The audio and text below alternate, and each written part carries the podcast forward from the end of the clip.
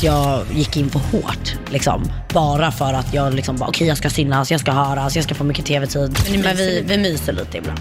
Ja. Vuxenmys. Hans sista år var inte han kriminell, men han blev mördad ändå.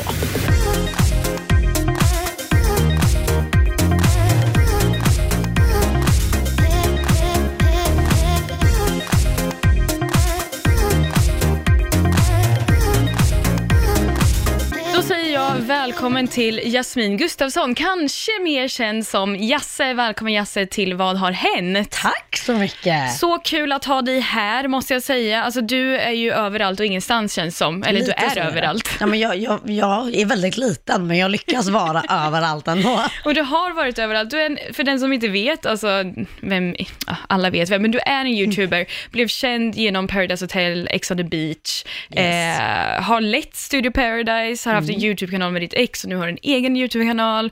Alltså har jag glömt någonting nu? Du eh, Jasse reagerar. Ja, jag har sminkkurser också. Sminkkurser också. Alltså det, listan kan ju göras hur lång som helst.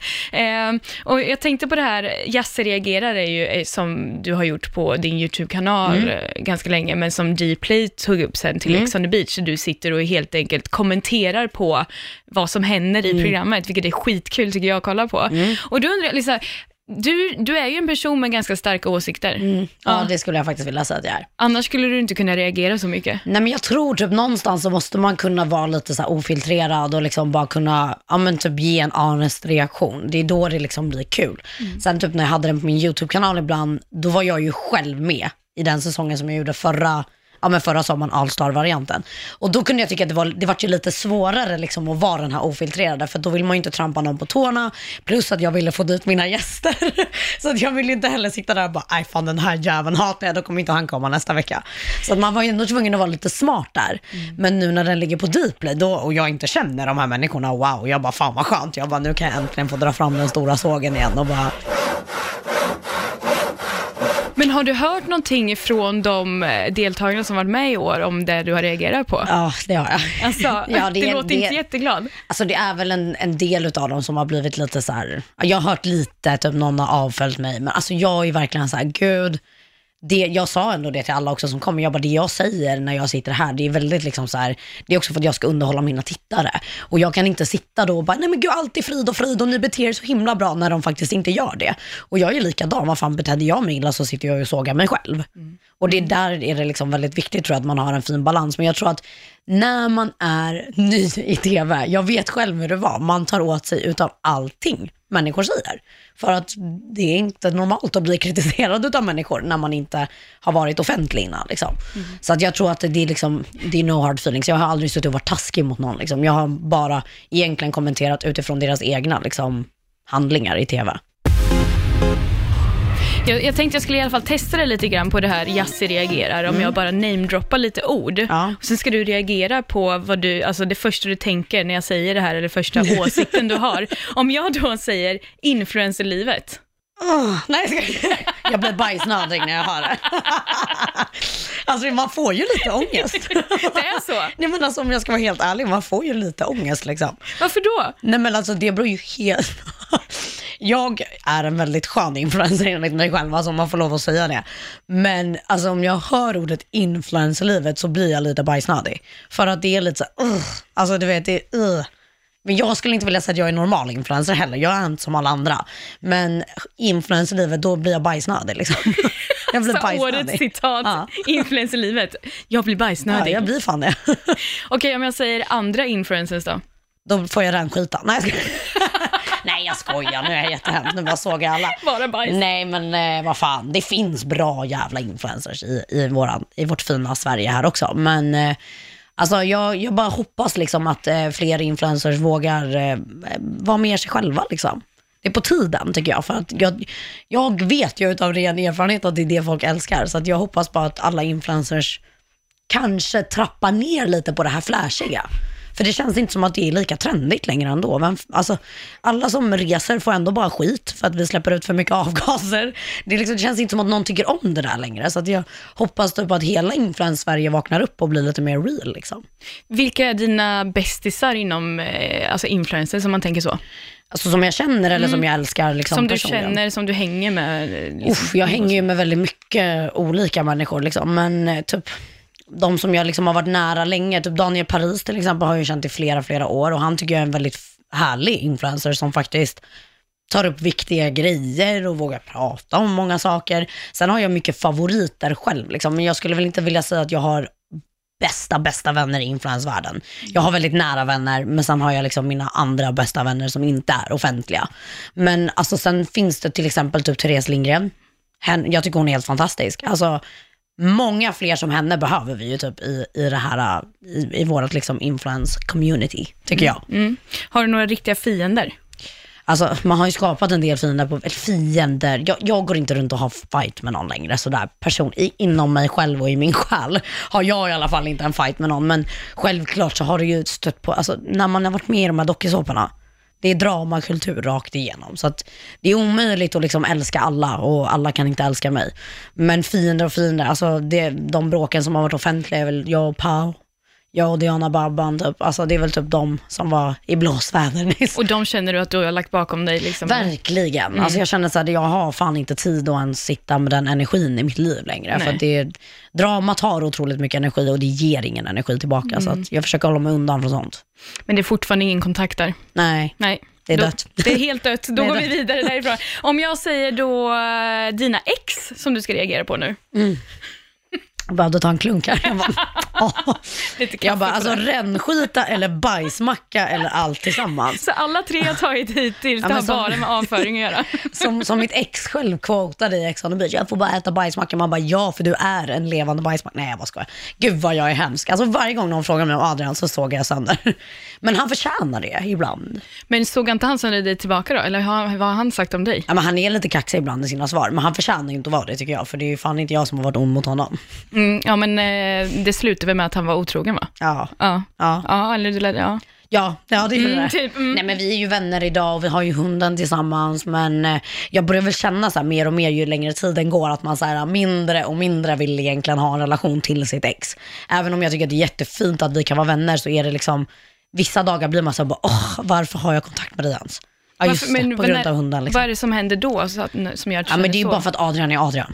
Och jag känner Adrian så väl och ibland så tycker jag att han visar vissa sidor som jag fortfarande liksom inte ens vill ha. Alltså det är såhär, nej det här behöver du inte ens säga till mig för att vi är vänner. Kom ihåg det. Och då blir han så här påmind och bara, oj just det, gud förlåt. Typ. Typ svartsjuka eller sådana saker? Nej men eller? bara så basic så gnäbb som man kunde ha när man var ihop. Och det är såhär, nej ring inte upp mig med den här energin, vi är inte ihop igen. Alltså det är såhär, uh, nej, stay away. Nej men, alltså jag har en bra sund relation till mina flesta ex liksom. Men den med Adrian kommer alltid vara speciell tror jag. För att han är en jävligt speciell människa liksom. Ja, för jag såg ju till exempel att du var på Summerburst, Mm. så ni, det var i Göteborg. Alltså hälsade du på honom då? Umgås ni? Alltså så, jag tror han undvek mig. Jaså? Varför då?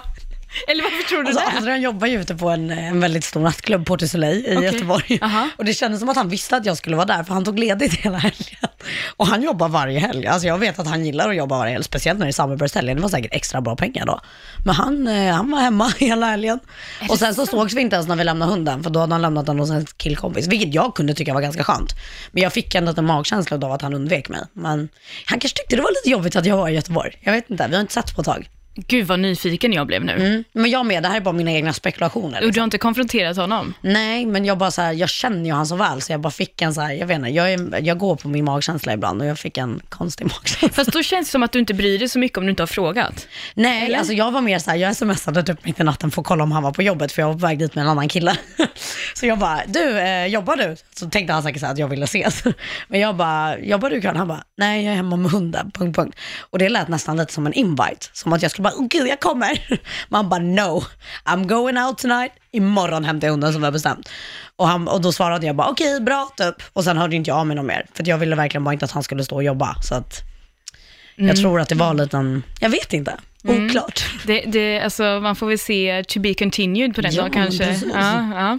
Okej, om jag säger då senaste säsongen av X on the beach. Alltså nu har du ju reagerat på varje avsnitt, men nu ska du reagera på säsong, nu lider den mot sitt slut. Mm. Vad tycker du? Alltså jag är faktiskt nästan lika psykiskt utmattad som deltagarna när de checkar ut ur huset. Och, och då menar jag liksom för att jag har fått min dagliga dos av drama. Alltså jag kan tycka så här, drama är all ära i Ex on the beach. Alltså verkligen, det är ju typ det, där, det, är ju det programmet går ut på. Men det jag tycker är lite synd med den här säsongen är att det var det var snäppet lite för mycket drama, för min smak i alla fall. Jag tycker om liksom när de här dokusåporna ändå bjuder på liksom lite dagshäng, lite mer liksom känslor, känslor fanns det ju gott och väl om och par liksom, men lite mer liksom, ja men så här, här sitter vi och faktiskt har kul och tycker om varandra. För att så vet jag att det är när man är där. Det är så här, när vi dricker så hatar vi varandra, men dagen efter så älskar alla varandra. Så att jag tycker att det, det bjöds lite för mycket på liksom fest och drama. Jag hade velat se lite mer liksom dejter, lite mer god stämning typ. Men kunde du också ibland bli lite avis på att du inte var där själv? Nej Du- gud, verkligen inte. Det känns verkligen inte så. jag, jag kände bara när jag tittade på den här säsongen faktiskt att bara, usch, jag vet inte ens hur jag hade varit i en sån grupp längre. För att jag kan också liksom drömma till och bli arg och sånt, men jag eh, hade aldrig pallat vara i, i så mycket br- bråk tror jag. Nej. Eh, Håll käften och fortsätt snacka din Jag förstår det verkligen, för att jag har också tyckt att den här säsongen, den, den är energikrävande att Den kolla bra, på. Ibland men måste är jag liksom- stänga av, ja. för att det har känts av att oj, nu är det verkligen för Men mycket. ibland så hör man inte ens vem som skriker på vem, liksom, för att alla bara står och försöker överrösta varandra. Man bara, vad är det här? Men känner du då, om du jämför, för du har ju själv varit i de här bråken, alltså du kastade drinkar och det var väldigt mycket kaos kring dig och sådär. Alltså kände du då, kommer du ihåg hur du kände att det var jobbigt då? Ja gud ja, alltså även om man liksom står i blåsvädret så var man ju så alltså jag, när jag kom hem från min första säsong av Ex on the beach, jag var helt så här, jag kommer ihåg när jag bara kom hem till Adrian, för då hade vi just träffats. Jag bara, jag vill aldrig mer bråka med någon. Jag bara, alltså du får aldrig mer ens ha ett argument med mig typ. Jag bara, för att, jag bara, jag ska bara ligga i min säng och vila en vecka. Jag bara, jag vill inte ens prata med någon. typ. Men man blir så, för det är ju, alltså, även om det ser ut som att vi pallar stå och skrika på varandra hela tiden och det blir så, alltså det är ju energikrävande för vem som helst tror jag. Alltså, det är inte normalt att stå och bråka i fem veckor liksom. Finns det något du ångrar från eh, ditt deltagande där? När du var, för det, som jag har förstått det när jag har lyssnat på dig så är det att du gick in i någon sorts karaktär för att du hade kollat på Ex on the beach England Ja, tror jag det var. precis. Och sen hade sett någon, någon som agerar ganska bitchigt där och bara jag ska vara som henne Ja. så att jag syns, får mycket kameratid och så Ja. vidare.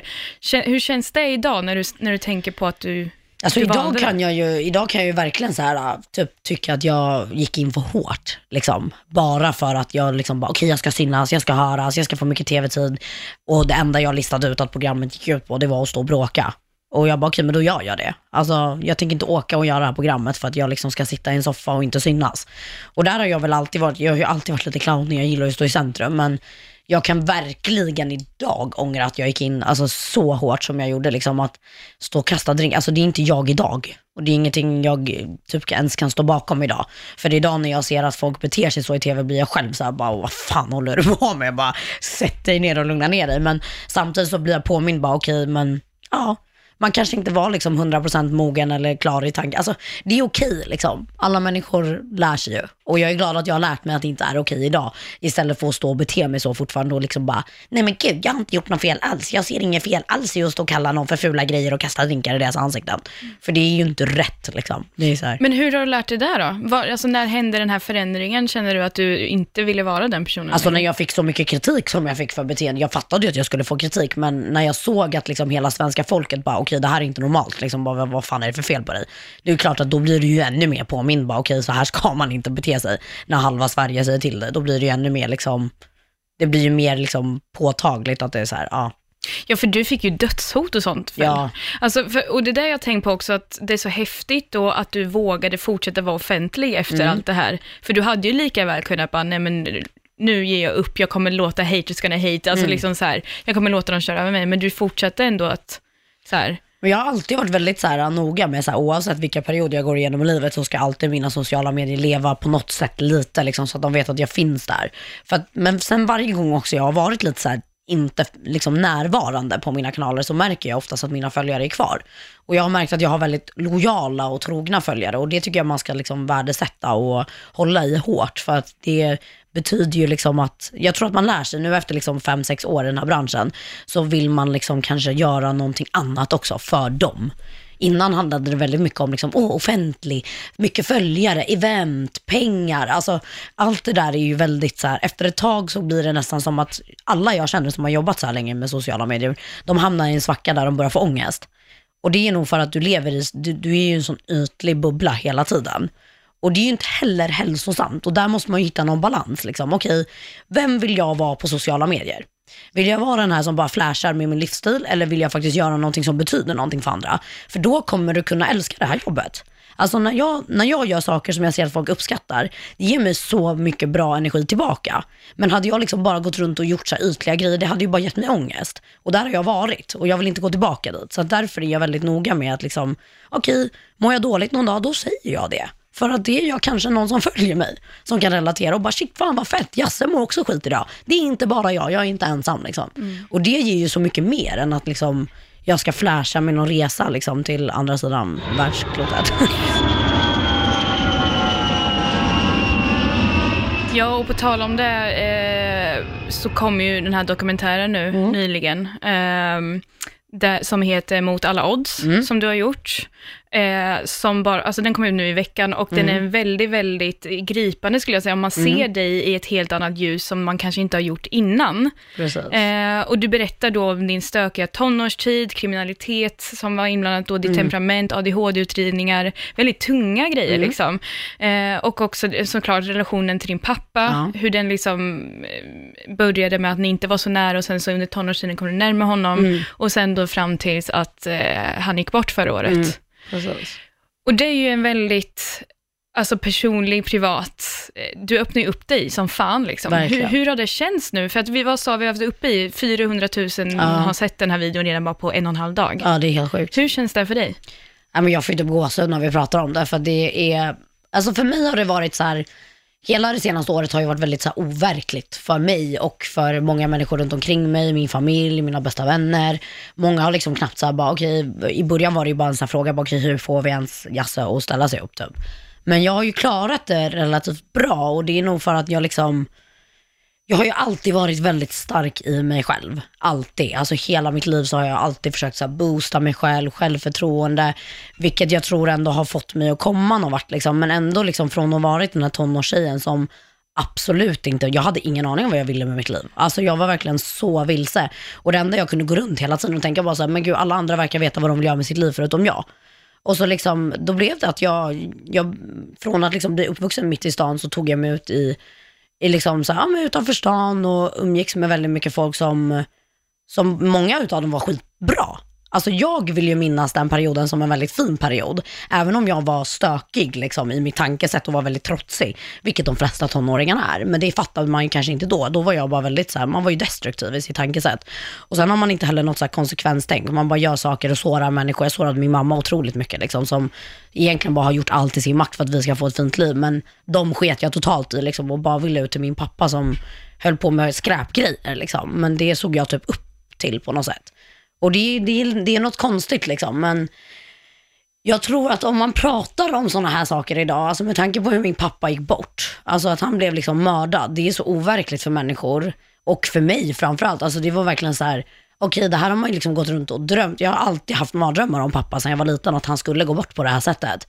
Och när det hände så blev det ju bara så här, okej, what the fuck, liksom, vad ska jag göra nu typ? Men jag bestämde mig jävligt snabbt alltså att jag ville göra en sån här dokumentär för att jag har aldrig sett någon i min genre, alltså inte i den här dokusåpa-influensbranschen som jag kommer från inne i stan, våga prata om en skjutning.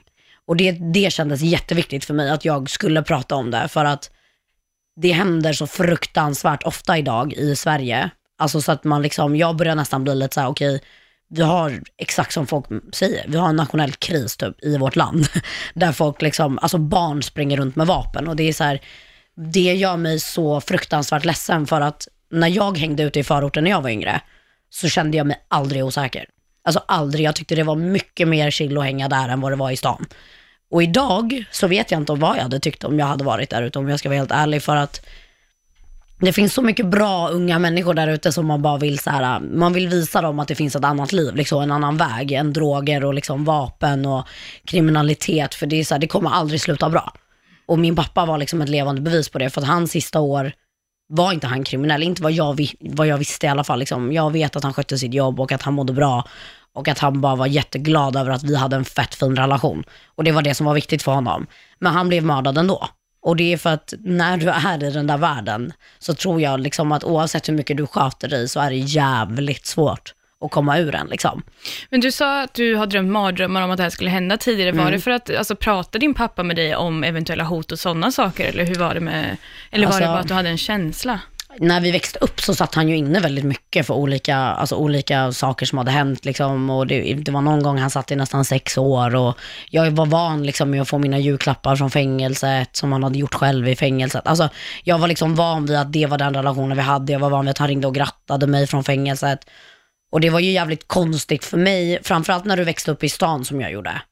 Det var väldigt få människor som förstod liksom hur min pappa fungerade. Och det var knappt så att jag heller visste. Jag frågade ju min mamma liksom några år senare när jag blev äldre, bara okej, hur var det när ni var ihop? För de var ändå ihop i tio år innan de skildes åt, liksom när de fick oss.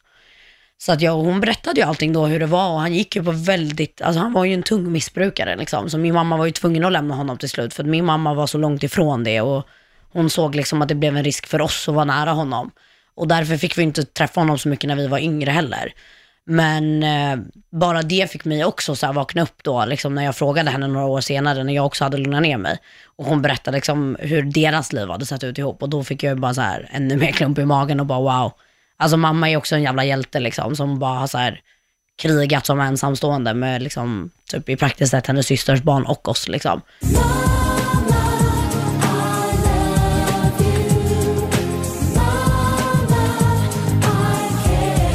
Jag tror att mamma har också varit en, så här, du vet, alltså en stor, liksom, på något sätt en förebild i det hela typ.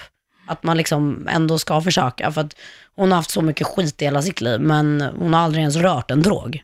Vilket för mig är så helt sjukt. För att hade jag gått igenom det hon hade gått igenom hade jag förmodligen inte ens suttit här idag. Liksom. Men eh, hur, hur kom det sig att din pappa ville ta sig ur kriminaliteten? Var det något som hände eller var det liksom, hur, hur tog han sig ur det? Vet du det? Jag tror han ledsnade.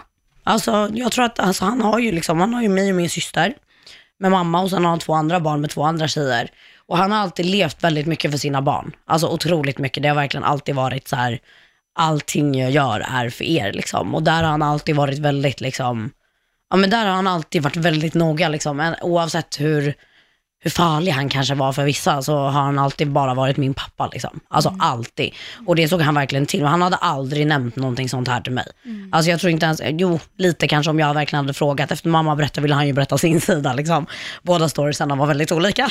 Det var Men det var lite typiskt pappa också. Det var så här, alltid mammas fel. Man bara lägga av. Nej, det var det verkligen inte. Men han var ju väldigt så här, han var väldigt mån om sina barn liksom. Och jag tror att det var det som fick han att, att faktiskt vilja gå ur, gå ur de liksom, dåliga mönstren. Och sen var han ju liksom, jag tror han var som tyngst kriminell när vi inte ens, innan vi ens var födda. Så att det där kanske liksom, jag vet inte, det är, jag vet inte hur länge man är kvar själv i flera år liksom. Men Men då måste det ändå ha varit en jäkla chock för dig när det här hände. Trots Mm. att du har haft mardrömmar om och så här, när du ändå visste att men nu var han ifrån det här. Det, liksom, det kan ju inte ha känts som ett hot längre kanske, Mm. eller? Alltså jag blev ju otroligt chockad. Alltså det var verkligen så här, vi skulle ju setts den morgonen och allting och det var bara så här, vi pratade kvällen innan, allting var helt normalt. Alltså för mig fanns det liksom inga, alltså det fanns inga liksom spår på att någon någonsin skulle skjuta honom. Men sen, vem är jag att veta det? För jag vet att han aldrig hade sagt någonting. Ja, det är konstigt. Det är ett jättekonstigt sätt att, att liksom försvinna på. Och jag kommer nog aldrig kunna acceptera det. Liksom. Det spelar nog ingen roll hur många år det kommer gå. Jag kommer alltid liksom vilja sitta ner och prata med honom en sista gång bara. Alltså bara en sista gång. Så tänker man alltid. En sista gång bara.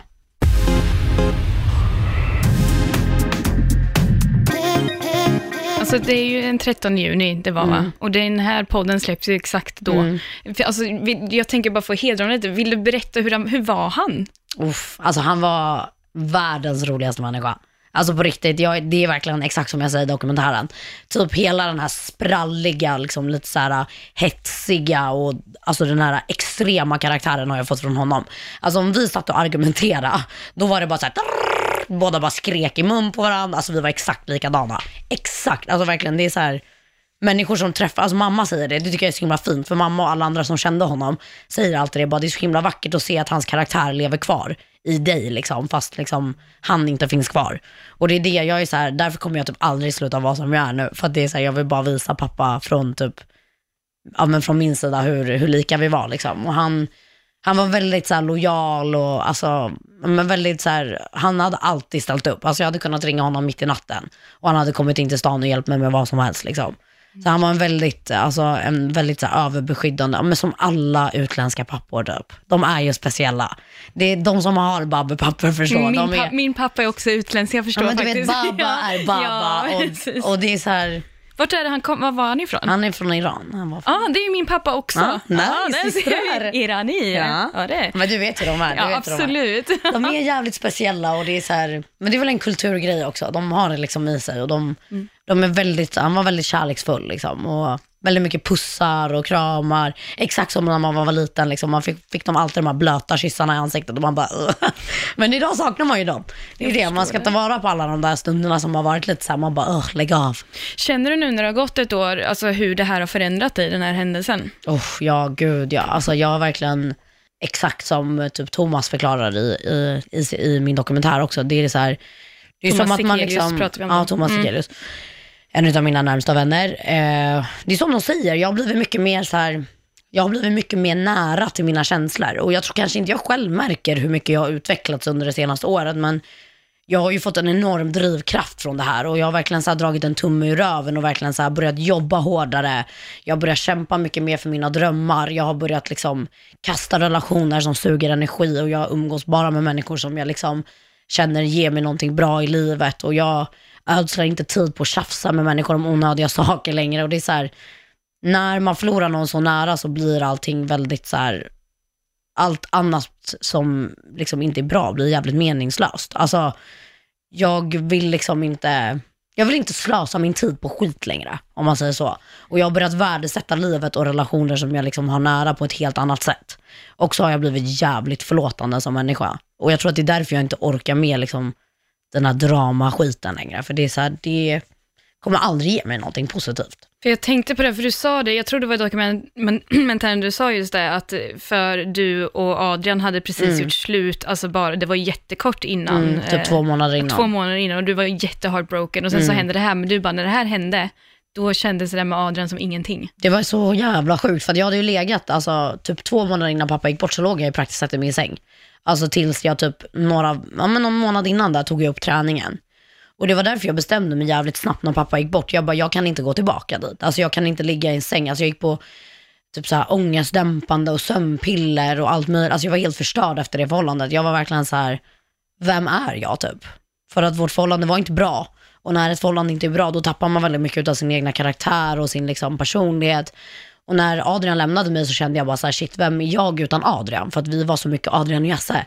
Adrian och Jasse jobbar ihop, Adrian och Jasse är här, Adrian och Jasse har gjort det här. Så att när det liksom tog slut blev jag bara så här, okej, vem är jag ens i det här samhället? Vad gör jag? Jag hade glömt bort totalt vem jag var liksom. Det var ju tre, under tre år ni var ihop, under en väldigt ung ålder, ska tilläggas. Ja, och sen så liksom, jag uppoffrade ju väldigt mycket för att vara med Adrian också. Jag flyttade till Göteborg och jag ska, försökte skapa ett nytt liv där, vilket gjorde att jag tappade väldigt mycket av mitt liv och mina vänner här i Stockholm. Och sen när man liksom skulle komma tillbaka till det här och sen stå på egna ben, liksom, då blev det bara, det kändes som att allting blev omöjligt. Liksom. Och alla som har gått igenom en hjärtesorg vet jag liksom kan relatera, för det var verkligen hjärtesorg på en ny nivå. Alltså mina vänner, jag ringde ju mina vänner och bara, jag kommer dö liksom. Jag bara, jag vet inte, jag, bara, jag gråter bara hela tiden. Alltså jag såg liksom inget, jag såg ingen gnista i livet längre. Och det var så jävla konstigt för jag har aldrig, så negativ har jag aldrig varit. Eller deprimerad i hela mitt liv. Och jag vet att pappa var ju så, han var så ledsen över det liksom. Och han var verkligen så här, försökte få tag i mig och hänga med mig. Men jag kunde inte vara med någon liksom. Jag ville inte vara med någon heller. Jag ville bara ligga i min säng och liksom sova. Sen började jag träna och sen så hände det där med pappa. Och då ett tag kände jag ju bara så här, jag bara alltså mitt liv är ett fucking skämt. Jag bara alltså det, det är liksom så här, vad, jag bara vad kan hända nu liksom som är värre än det här? Och det var därför jag tror att allt det där blev så jävla mer, alltså det blev bara så här, okej det där gjorde ont, men det här känns typ så att det inte ens känns. Och då fattar man liksom bara, okej vad är det jag känner? För det, det gör så ont så att jag inte ens känner någonting längre liksom. Men jag tyckte det var ändå så modigt för att då den sommaren så väljer ändå du, du att åka på inspelningar av Ex on the beach All Stars. Eh, och för dig var det som ett sätt för att komma bort och du ville bort och liksom sådär. Men du fick, ganska, du fick ju hat för det också, för du kallade dig känslokall, din pappa precis dött, hur kunde i Ja. program? Eh, men som jag förstår det så var det verkligen för att det var skönt för dig att, Ja. att bara komma från Sverige och liksom sådär. Det var så här, jag, jag orkade inte vara här. Alltså det var, första veckan låg jag bara hemma och sov typ. Och mamma var så här, du måste gå ut, du måste träffa vänner, gör någonting liksom. Och så var ju det där under förhandling också och jag var så här, nej, jag vill nog inte göra det direkt. Så kändes det bara, oh, yeah, nej, jag bara, det, det kommer inte bli bra liksom. Men sen ju längre tiden gick och jag märkte hur mer nojig jag blev också över att vara hemma. Alltså jag blev ju jättestressad över det här. Även om polisen sa till oss att det är jättelugnt, vi hade sagt till er om det var ett hot mot er, vi hade aldrig liksom döljt en sån sak, men enligt de bevisen vi har som de aldrig fick säga till oss, så vet vi att det inte är någon, någon form av risk emot er som familj. Liksom. Och det får man ju lita på såklart. Men samtidigt så har man ju så mycket frågor i sitt egna huvud och liksom så här som man vill ha svar på. Och du vet, alltså jag kunde inte ens gå runt och tänka på det för jag blev bara så jävla irriterad. Då var jag ute med min hund så ville jag springa hem för att jag blev rädd så fort en bil kom typ. För jag trodde verkligen det var någon som skulle komma och klippa oss två när vi var ute och promenera. Och jag höll på att gå sönder i mitt huvud och jag bara, till slut ringde jag upp min agent Rosanna och bara, förlåt men jag måste dra. Jag bara, jag skiter i. Alltså jag bara, är det jobbigt så åker jag hem. Och där var ju produktionen väldigt så här, jag fick ju prata med min mamma när jag ville, det får man ju aldrig annars göra. Jag fick ringa Rosanna när jag ville, jag fick, eh, alltså jag fick till och med åka hem en vecka om jag ville. För att för att jag mådde dåligt liksom, om det var så att det var så illa. Så var de så här, vi skjutsar hem dig på ett plan i en vecka så får du vara med din familj och sen får du komma tillbaka om du vill. Så att där kan jag ändå tycka att de gjorde ett jättefint jobb för de blev ju också så här, okej, vad gör vi liksom? Alltså ingen visste ju, ingen visste hur de skulle bete sig för att det är, det är en väldigt speciell situation liksom. Mm. Ja, nej, jag tycker det var häftigt i alla fall att du visste också då att Adrian skulle vara där mitt i alltihop. Mm. Och sen att så här, det var ju inte som att du var kanske det bästa state of mind Nej. att träffa sitt ex efter allt det här. Nej. Eh, men var det, ja, för jag vet, alltså man, om jag tänker själv på när jag blivit heartbroken, det känns nästan som att man blir mer modig. Att man blir nästan mer så här, nej nu jävlar ska jag inte låta Mm. Ja. någonting förstöra. Det var lite det som Men det kändes lite som det faktiskt. Alltså jag klarade ju till och med av att se han med typ två tjejer där inne utan att tappa det totalt. Jag blev lite besviken där första gången. Men det är ju bara för att vi verkligen så här, ja, han vet exakt vad som hade hänt. Han vet vad jag har gått igenom och han var inte liksom det mest exemplariska stödet för att han själv kände ju också så här, okej jag har sårat henne så jävla mycket. Så att han drog sig nästan undan lite för att han visste inte hur han skulle bete sig runt omkring men han visste inte vad han skulle säga. Han, han kände bara att det liksom var, allt också var jättejobbigt för honom. Och därför tyckte jag att han agerade jävligt fel i programmet när han gjorde typ de små grejerna som han bara hade kunnat skita i att göra. Men alltså ju mer tiden gick där inne till slut så blev vi ju vänner. Alltså, det var nästan som att jag tror att vi behövde varandra där inne för han mådde ju inte heller bra där inne. Han hade ju typ just träffat någon ny innan och det här är det sjukaste. Jag läser ju en dagbok som han har skrivit till en tjej som han är jättekär i. En dag när vi var hemma i huset. Det här har de inte tagit med i programmet, men det var bara när vi var hemma och det var den dagen vi löste allting. Jag låg och pratade om att jag hade träffat en kille innan vi skulle sticka, typ som jag hade dejtat. Han berättade om den här tjejen. Jag läste hans dagbok på sju sidor om en ny kvinna. Där och då insåg jag att jag bara, nej, jag kan fan inte vara så, alltså jag, jag älskar honom, men jag är fan inte kär i honom. Men vadå, alltså, lät han dig läsa, din, Ja. läsa den här dagboken? Ja, bara kolla han vad jag här, skrivit nej, men om? han ville ha råd typ så här, för han vet att jag känner honom så jävla väl. Men det var också så här, för mig var det sån jävla sjuk grej. Det är klart att det, det, så här, det känns ju alltid lite, men det kändes inte på ett så här jobbigt. Det var bara så här, Du jag är glad läsa, för din skull ja. om du har träffat en tjej som du mår bättre med än vad vi gjorde tillsammans. Liksom. Mm. Love and marriage, love and marriage. Men det kommer inte bli några fler eh, Ex on the beach. Alltså nu ska vi ju prata om den nya Ex on the Mm. beach-grejen, men det blir inga mer på det här, riktiga Ex on the beach om man säger så, eller Paradise Hotel eller dokusåpor, eller hur? Alltså de hör ju av sig väldigt ofta. Ja, de gör det. Senast i förrgår var det någon som skrev från Paradise Hotel. Du, vi skulle vilja ta ett samtal med dig och jag blir bara såhär nej. Bara, Alltså ni har hört av er varje år. Du säger bara liksom- nej. Alltså, Förra året eller för förra så sa jag liksom att jag ville ha ganska bra betalt. Alltså, och då, då hör de aldrig av sig sen när, när de har fått höra summan. Och ibland så höjer Vad man den lite. du? Men jag brukar dra till något så här odrägligt, alltså typ så här 700 000 bara för att de ska bara hejdå. eller bara få se vad de säger. Bara "Ah, okej, vi tar det. Men det är ju det, de säger ändå aldrig ja till det jag vill ha. Och jag vet ju, nu har det bara blivit en rolig grej att jag typ skriver det för skojs skull. Men alltså jag är, jag är jävligt klar där. Och jag känner verkligen nu efter den här dokumentärfilmen när allt är ute där att jag liksom jag vill vara någon annan nu i plattformen. Jag vill liksom, jag vill göra någonting viktigare nu. Jag säger inte att PH Ex on the Beach är dåligt på något sätt. Jag älskar de programmen och jag är fett glad att jag gjorde dem. Jag är verkligen så här, jag hade, om man nu där ute lyssnar på det här och funderar på att vara med och man känner att det är någonting för dem, var med. Det är skitkul. Men man får också liksom vara beredd på typ konsekvenserna och sånt. Man får vara lite stark i sig själv om man ska klara av det. Men jag känner bara att det där är inte Jasse längre.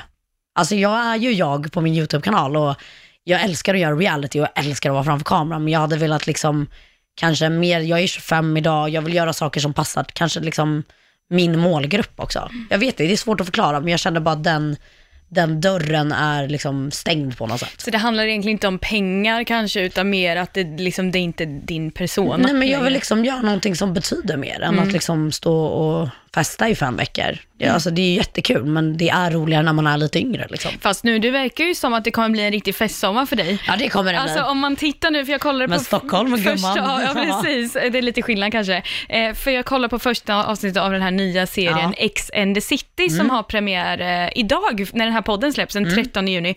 Eh, som du är aktuell i eh, med flera andra gamla X on the Beach-deltagare. Och du säger, du är taggad på en riktig singelsommar. Ja, men det är ju bara för att förra sommaren var så så jävla vidrig om man får säga så. Men det är så här, jag tror alla är taggade på att följa min sommar efter förra helvetessommaren. Det är så här, vad kommer hända den här sommaren? Jag vill bara ha kul. Alltså jag vill bara ha kul. Ja men alltså vad kommer tittarna få typ veta om dig som de inte vet innan? Alltså nu vet de ju allt känns det som. Jag har ju fan blottat hela min själ. Men jag vet inte, de kommer liksom få, de, de kommer få se, men jag har ju flyttat redan typ två gånger, eller jag är ju in- inne på min andra flytt snart den här månaden i slutet. Så de kommer få se mig flytta två gånger, vi kommer gå på en jävla massa töntiga influencer-event och dricka billig champagne och äta gratis mat. Vi kommer gå ut väldigt mycket, som sagt jag är ju fett singel. fett singel. Fett singel till och med. fett singel, så om någon snygg man hör det här, ring upp mig så går vi på mig. dejt. Nej men jag är bara så här, jag vill verkligen bara ja, men leva ut det man egentligen ska göra, typ när man just har blivit singel. Lite så känner jag, där är väl jag. Och så vill jag bara fortsätta jobba. Jag har bestämt mig för att jag ska jobba lite mer den här sommaren liksom. Och sen typ till hösten, vintern kommer jag typ resa. Så jag kände så här, jag, I don't mind being home. Alltså resa for pleasure eller? Ja men vila lite för att jag har jobbat otroligt hårt sedan pappa gick bort och nu är dokumentären ute, den har, väl hållit, alltså den har vi hållit på med längst liksom. Så den tog ju sin tid liksom och vi ville hitta rätt tillfälle för den, det var ingenting man bara kunde skjuta ut sådär liksom och bara nu gör jag det här, jättebra, hej då tack. Men så att jag har väldigt mycket andra projekt som måste slutföras den här sommaren och så måste jag överleva flytten och så ska jag liksom börja, ja men stadga mig i ett nytt hem ensam. Liksom. Och det känns jävligt skönt faktiskt. För jag har inte haft så jättebra rutiner det senaste liksom, halvåret. För man har flyttat runt så himla mycket och är alltid på resande fot. Så att, eh, men det kommer bjudas på gott och blandat som det alltid gör med mig. Ja, för du var så rolig första avsnittet, för att du är jättebakis också. Mm, jag vet, standard. Nej men alltså varje gång de liksom har kommit hem och synkat, en gång de synkade mig, jag bara, jag, det var nog den synken. Jag ser fan flawless ut, men alltså jag spydde fyra gånger under den synken. För att jag var så jävla bakis. De bara, det är lugnt Jasse, du levererar framför kameran. Jag bara, ja jag vet, jag bara, men jag sitter där och svettas. Du vet när man har sådana liksom svettningar, det var jag. Efter fem år i den här branschen så har Ja. du lärt dig Ja. hur det ser ut efter man har spytt i synk. Jag måste bara tala om en sak nu. Jag har mensvärk måste jag bara tala om för dig. Och Alltså, I direktsändning då kan vad som helst hända och jag säger bara det där ber jag om ursäkt för men jag måste säga att jag har mensvärk och då kan man må riktigt illa.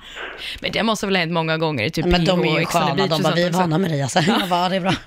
De är vana med mina grisigheter. Men blir det mer fest när du är singel? Alltså det har ju blivit lite mer nu den senaste perioden, men det tror jag har med stress att göra, har jag märkt av på mig. Jag kan bli lite så här halvt, inte destruktiv, men jag blir lite så här, när jag jobbar mycket och jag väl får gå ut och, och liksom hitta det här, okej men det där jävla eventet vill jag gå på, då kommer jag fucka ur. För då vet jag, okej när jag jobbar, då jobbar jag liksom, då skulle inte jag få för mig att börja halsa vodka liksom. Men är jag ute, då kommer den här gamla jag ser fram ibland liksom och bara fuck ur. alltså jag är ju en jävel. Nej, men jag är en jävel alltså. på festa, man vill festa med mig. Alltså det ringer vem fan jag nu än känner och alla är såhär, Jasse är bäst. Jag löser allt. Men kanske så här festfixare i framtiden då? Jag ville ju bli det när jag var liten. Är det sant? Ja, Ja. men gud, Jag ja, men kanske där tar har vi ut något. det nu, liksom. Ja, men det blir, du är supersingel i alla fall. Ja, men det ingen, det finns ingen i horisonten just nu. Nej, eller? alltså det har väl varit lite rykten med den här youtubern Daniel Norlin. Ja, jag Så hörde om det, men det har, lite. du, eh, det har du slagit ner de ryktena. Nej men jag försöker göra det för att vi är bara vänner. Men sen är, vi tycker om varandra liksom. Men varken han eller jag är liksom såhär, yeah let's be together for real typ. Men Men vi, vi myser lite ibland. Ja. Ni lät så till och med. här kommer det fram. kommer det fram. Men det är väl lite så, jag pratade med någon om just det här med att vara offentlig person och dejta, Mm. för att eh, alltså när man dejtar som en vanlig person, det är inte som att man vill gå runt och berätta för alla man har börjat dejta någon, för att det är ju ganska typ så här, det är en stor grej att helt plötsligt berätta för folk att man dejtar någon. Jo men framförallt när typ båda är offentliga. Men Ja. du vet, det blir sån jävla stor grej också. Det är så här, vi, nu har vi i och för sig varit ganska så här, vi har ju kanske gett dem signalen att det är någonting. För att vi är så när vi umgås. Men alla som känner oss vet ju att vi inte är liksom seriösa. Men vi låg liksom och hånglade en timme i video så jag vet inte riktigt vad jag förväntar Alltså det är klart att folk kommer tro att det är någonting. Men vi är verkligen bara vänner. Men Daniel är en jättefin kille. Han är en sån kille jag önskar att jag hade träffat om typ ett år kanske. Eller två år. Han kanske kan stanna kvar ett år. Stanna kvar. Stanna kvar. Ni får, ja men det är väl så, det kanske blir en jättefin eh, romantisk eh, film det här. Ja, det får vi se. Men du sa, jag vet att du sa, jag läste en intervju du gjorde med 9 till 24 Mm. i mars och du sa att du aldrig gått på en Tinder-dejt då. Ja. Har du fortfarande inte gjort det? Nej. Alltså den där appen. Använder du Tinder? Nej, alltså men grejen är att de har jag umgås med väldigt mycket nu, de är så Tinder pros. Så att alltså jag blir ju triggered när jag ser, det ser ju kul ut. Alltså jag fick ju liksom låna min killkompis app och få så här, sitta och swipa eller vad fan det heter. Och jag bara wow, jag bara det här är fan sjukt. Jag bara, Swipa eller vad det ja, men det är heter så här, ja, men, Det är ju en jävla köttmarknad. Ja. Alltså de går ju bara in där för att, hej ska vi ligga? Det är ju helt sjukt. Kan man göra sånt när man är offentlig? Bara hej det är Jasse. Alltså det är det jag menar, det blir fett stelt. Alltså, du, får, du får byta namn på Tinder och låtsas vara någon Ja, annan så kanske. bara kommer de hem, jag bara hallå ja. ja, exakt. Nej vadå, hon är bara jättelik Nej, men den här jag, jag laddade ner den när jag var i Paris för att min tjejkompis och hennes kompis skulle på dejt. Mm. Så de tvingade mig, de bara du måste också gå på dejt för annars kommer du bara ligga hemma och ha tråkigt. Och då laddade jag ner appen, alltså värsta killen, han hade utsikt över Eiffeltornet, han hade en skitsöt hund så jag bara yeah nice. Men nej, det slutade med, alltså tro det eller det här är det sjukaste. Jag låg hemma och åt chips och kollade Valvakan. Fattar ni hur tråkig människa jag är? Alltså jag låg hemma och åt chips och kollade Valvakan. Stop it. Get some help. Det är trevligt med chips i och för sig. Ja. ja. Oval. Det är det nu. Men någon Tinder dig måste du måste ju testa det någon gång. Det Ja, kan men du göra någon en gång. rolig YouTube-video på kanske. Nej, men jag tänker att jag ska göra det nu i Ex and the City. För att jag har ju Ah. sagt att jag vill gå på en dejt liksom, och att jag ska vara singel och då måste man ju dejta lite. Så de här inspelningarna till Ex and the City, på, alltså, kommer det vara under hela sommaren nu? Ja, 14 veckor. Och hur funkar det? Alltså är det kamerateam, kommer det med ett team eller har Alltså du jag din egen filmar kamera? ju lite som att jag vloggar, men lite mer så här om det verkligen händer någonting som jag vet att folk kanske vill titta på lite mer än att jag bara sitter hemma och pillar mig i näsan typ. Typ YouTube är ju väldigt mycket mer så här, man filmar ju allt på en hel dag och så försöker man klippa ihop det så att det blir verkligen en röd tråd. Men det här är väldigt mycket mer så här, hej nu är jag på väg, typ vi säger att jag är på väg hit, hej nu är jag på väg, nu ska jag podda, eh, filma på det och sen filmar jag när jag är på väg till podden, filma på podden och avslutar. Hur kändes det? Och sen så är det ett synkteam som synkar oss typ en gång i veckan. Så det är lite mer tv, fast ändå vlogg typ. Kommer du hänga någonting med de andra som är med i eh, programmet? Självklart. Ja, vilka Gum- då? Gumman här har ju avslöjat i första avsnittet att jag ska styra årets dagsfest.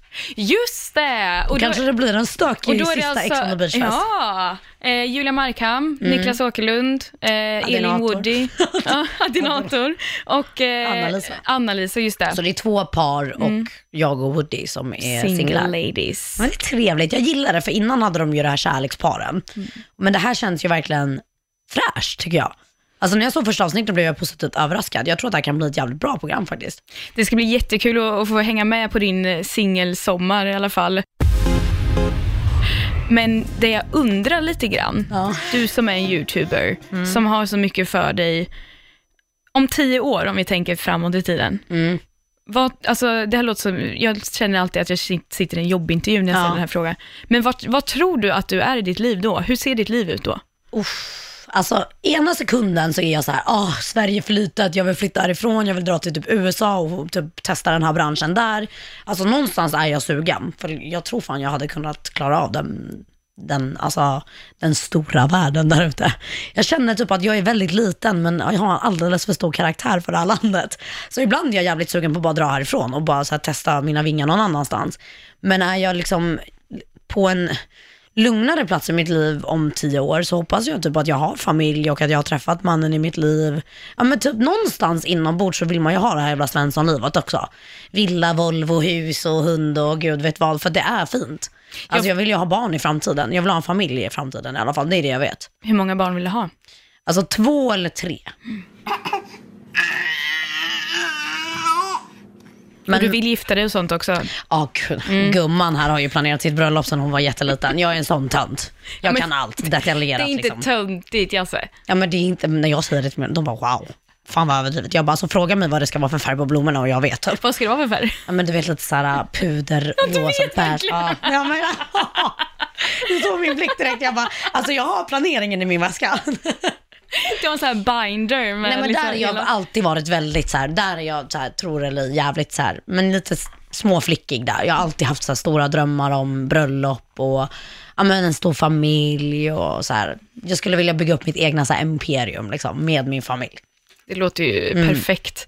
Du, är det något du vill tillägga? Nej fan det här var ju gött snack hörru. Jaha, det var ju gött Det är bara snack. för att vi är iranier. Ja, jag vet. Det är därför Alltså, vi kan bonda Azizan. över det. Det är där Azizan. vi bara, Khodafez alla lyssnare. Det betyder hej då. Men, eh, kolla i alla fall på dokumentären eh, Mot alla odds. Mm. Kolla också på X and the City som har premiär 13 juni. Eh, missa inte det. Och tack så jättemycket Jess för att du kom hit. Tack så jättemycket för att jag fick komma hit.